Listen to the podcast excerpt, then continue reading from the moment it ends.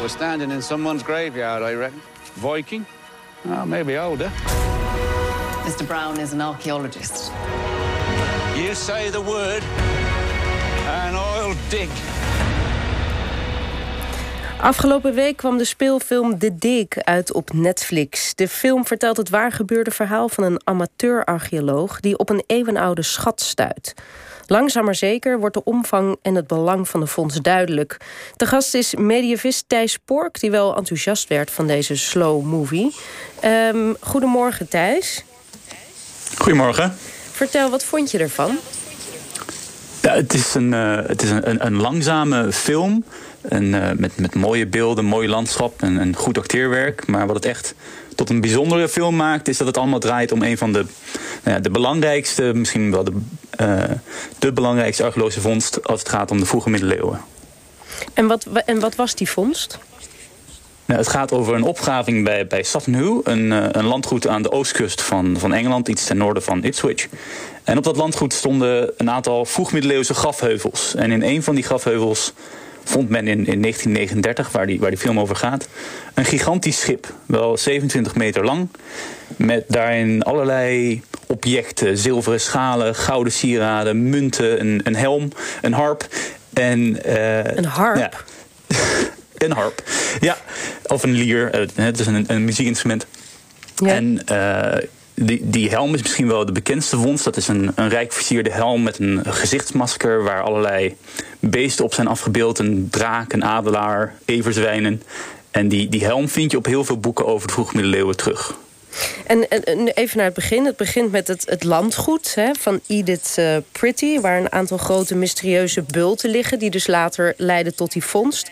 Zij besluit die te laten opgraven door een amateur-archeoloog. Wie, wie was dat? Ja, dat was uh, Basil Brown. Dat was inderdaad een, een amateur-archeoloog. Of, nou, die, die had wel ervaring, maar die was niet academisch geschoold. En uh, ja, iets waar, wat, wat de film goed doet, is de rol van die uh, amateur-archeoloog inderdaad benadrukken. Uh, die, is, die is niet altijd erkend geweest bij tentoonstellingen van, van uh, de afgelopen paar jaar, afgelopen tientallen jaren wel, maar de, de, de eerste 30, 40 jaar na die vondst niet. Um, en, en dus dat is wat de film goed doet. Hè, Want het, was toen het eenmaal. Uh... Ja, precies. En toen eenmaal de vondst duidelijk was, de omvang van de vondst, uh, werd het gekaapt door de professionele archeologen, zeg maar. Ja, ja, in, in, zekere zin is dat, uh, dat, dat laat de film inderdaad wel goed zien. Dat op een gegeven moment komen de, de professionele archeologen van het British Museum komen langs. En die, ja, die hebben dan inderdaad door dat het echt een, een, een belangwekkende vondst, vondst is. En die, uh, ja. En gaan er met de eer, eer en, ik, en ik geloof dat die hoofdarcheoloog... dat wordt volgens mij gespeeld door dezelfde man... die ook de vader van Harry Potter speelt in de Potterfilms. Geweldig, geweldig type. Maar goed, dat allemaal terzijde. Ja. We gaan even naar het moment de, dat een van de archeologen van het team van, van Brown... voor het eerst uh, op een munt stuit. Ze zijn door seksen. Higgert, Grimes, it's Dark Age by Jupiter! 6th century! This changes everything.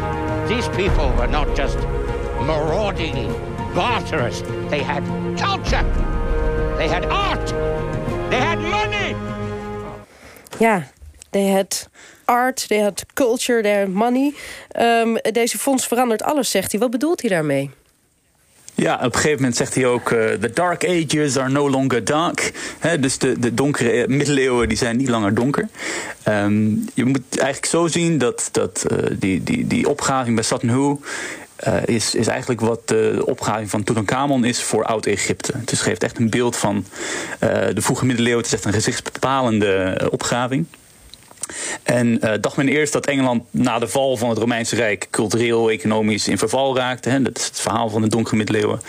Uh, nu waren opeens sporen van, van rijkdom, van uh, intercultureel contact. Sommige van die objecten die daar gevonden waren, die, die kwamen uit, uit Engeland natuurlijk, maar ook uit Scandinavië, uit het Midden-Oosten, uit Syrië, uit Zuid-Azië, uit het Byzantijnse Rijk. Dus je, je, je kon dan opeens zien dat Engeland in de zevende eeuw, want daar, daar gaat het dan over, ehm, ja, veel rijker was. En, en, en dat er dat een, een misschien eh, een rijkere cultuur was in die tijd dan men uh, voor mogelijk hield. Ja, want, want, want ze roepen in die film nog steeds Anglo-Saxisch. En dan kijken ze elkaar met verzadigde ja. gezichten aan, Anglo-Saxisch.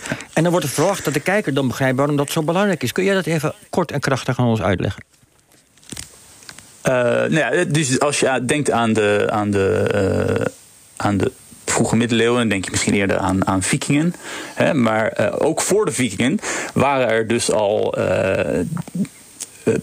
was, was gewoon een bepaald volk dat in Engeland leefde. Dat waren de Anglo-Saxen. De Anglo-Saxen zijn eigenlijk de, ja, hoe noem je dat? Dat zijn de, de, de, de voorouders van de huidige mensen die in Engeland wonen. En uh, de Anglo-Saxen zelf, dat zijn uh, Germaanse stammen die uit Noord-Duitsland, Zuid-Denemarken, uh, Nederland komen. En dat is ook iets, wel iets moois wat ze in de film doen. Hè. Het, speelt zich af net voor de Tweede Wereldoorlog. waarbij er natuurlijk de, de, Duitsers die er weer aankomen, dat hangt een beetje boven de lucht. En de Anglo-Saxen, dat waren natuurlijk eigenlijk van oorsprong mensen die uit, uit, uit Noord-Duitsland kwamen. En in de vijfde eeuw weer naar Engeland kwamen. En je zei ook, uh, Sutton bewijst dat Beowulf, het bekend heldengedicht uit die tijd, niet uit de duim gezogen is. Uh, wat bedoelde je daarmee? Um, dat, uh, Beowulf is een, oud-Engels gedicht. Het is een, wereldklassieker. Dat is een verhaal over, over monsters en draken. Dus, dus er zitten elementen van fictie in. Maar dat gedicht dat begint met een begrafenis van een koning... die in een schip gelegd wordt met allerlei uh, schatten, met allerlei objecten. En wat er in dat gedicht beschreven wordt... komt dus heel dichtbij wat men bij Saturnine gevonden heeft. Een, schip gevuld met objecten, waarschijnlijk voor een koning. En een aantal van de, van de objecten die in Beowulf beschreven worden, dus bijvoorbeeld een helm met een everzwijn erop, die kan je heel makkelijk in verband brengen met fondsen bij Saturnine. En ja, dus dan zou je inderdaad kunnen zeggen, nou, die, die, die fondsen die de Beowulf-dichter beschrijft, dat schrijft hij niet allemaal uit de duim, maar die bestonden daadwerkelijk echt. En weten we nou iets over wie er in dat schip uh, begraven ligt? Nou, het is een, uh, er zijn wel namen opgeplakt. Dus het, het is een, een, scheepsgraf uit de zevende eeuw. Uh, het, gezien de rijkdom moet het een heel belangrijk persoon geweest zijn. Hè. Ga maar na, je hebt een 27 meter lang schip. Dat moet je helemaal een heuvel optrekken en vervolgens gaan ingraven. En dan komen er ook nog al die schatten bij.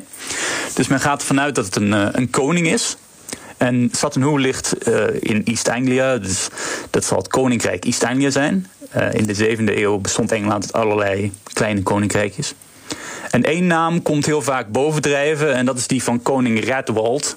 En zijn biografie past ook heel goed bij wat er bij Sutton gevonden is.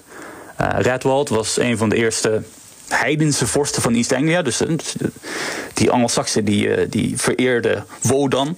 Um, maar op een gegeven moment bekeren ze zich tot het christendom. En Redwald was een van de eerste heidense vorsten die zich bekeerden tot het christendom. Maar we weten uit historische bronnen dat hij ook nog een tempeltje onderhield voor, voor Wodan en de Germaanse goden. Ja, voor de zekerheid. Hij dus, ja, hij werd dus eigenlijk op twee paarden. En iets soortgelijks lijkt aan de hand te zijn bij het scheepschap bij Sutton Hoo. Uh, een scheepschap is natuurlijk niet een christelijke manier van begraven. Uh, die boot en objecten heb je misschien nodig straks. Uh, maar in dat graf zijn ook christelijke objecten gevonden. Dus waaronder twee zilveren dooplepels met daarop Saulos en Paulus. Dat zijn de, de naam van, van Paulus, die voorheen Saul heette en werd bekeerd. En toen heette die Paulus. Het zou dus kunnen gaan om iemand als Redwald die weliswaar recentelijk bekeerd, maar ook nog heidense gebruiken aanhield. Dus die combinatie van christendom en heidendom zie je in dat graf ook. Nou werd die fonds vlak voor het uitbreken van de Tweede Wereldoorlog gedaan. Uh, mensen hadden vast andere prioriteiten aan, uh, prioriteiten aan hun hoofd. Uh, hoe is men met die fonds omgegaan toen?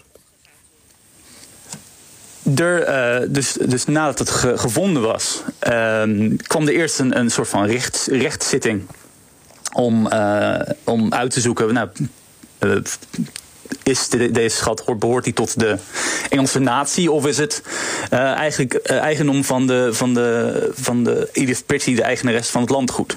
En dus een, een soort van rechtszitting geweest. En toen kwam daaruit dat eigenlijk het toebehoorde aan Edith Pretty. En die heeft het toen geschonken aan het British Museum. En ja, het, het, de opgraving die heeft dus ook, die heeft heel snel plaatsgevonden, ook in verband met de Tweede Wereldoorlog. Ze hebben dus alles snel opgegraven, vervolgens snel uitgezocht. Nou, waar moet het naartoe? en uiteindelijk ging het dus naar het British Museum. En daar is het nog steeds te zien, de schatten? Op dit moment is ja, daar is dus een hele kamer ingericht over de Anglo-Saxen. En daarbij zijn de Stadnoe-fondsen, die, die nemen daarbij een centrale plaats in. En, en heeft de amateur-archeoloog, de opgraver, de eer gekregen in het museum die hem toekomt... namelijk dat zijn naambordje erbij hangt? De held uit de film? Ja, volgens mij sinds de jaren tachtig uh, hangt zijn naambordje er al bij.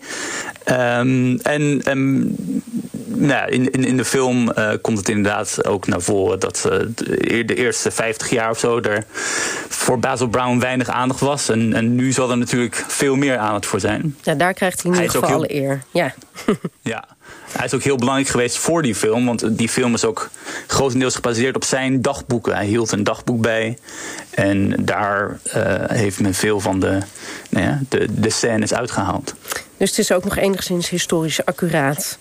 Bedankt Thijs Pork. De film heet De Dik en is nu te zien op Netflix. Dankjewel.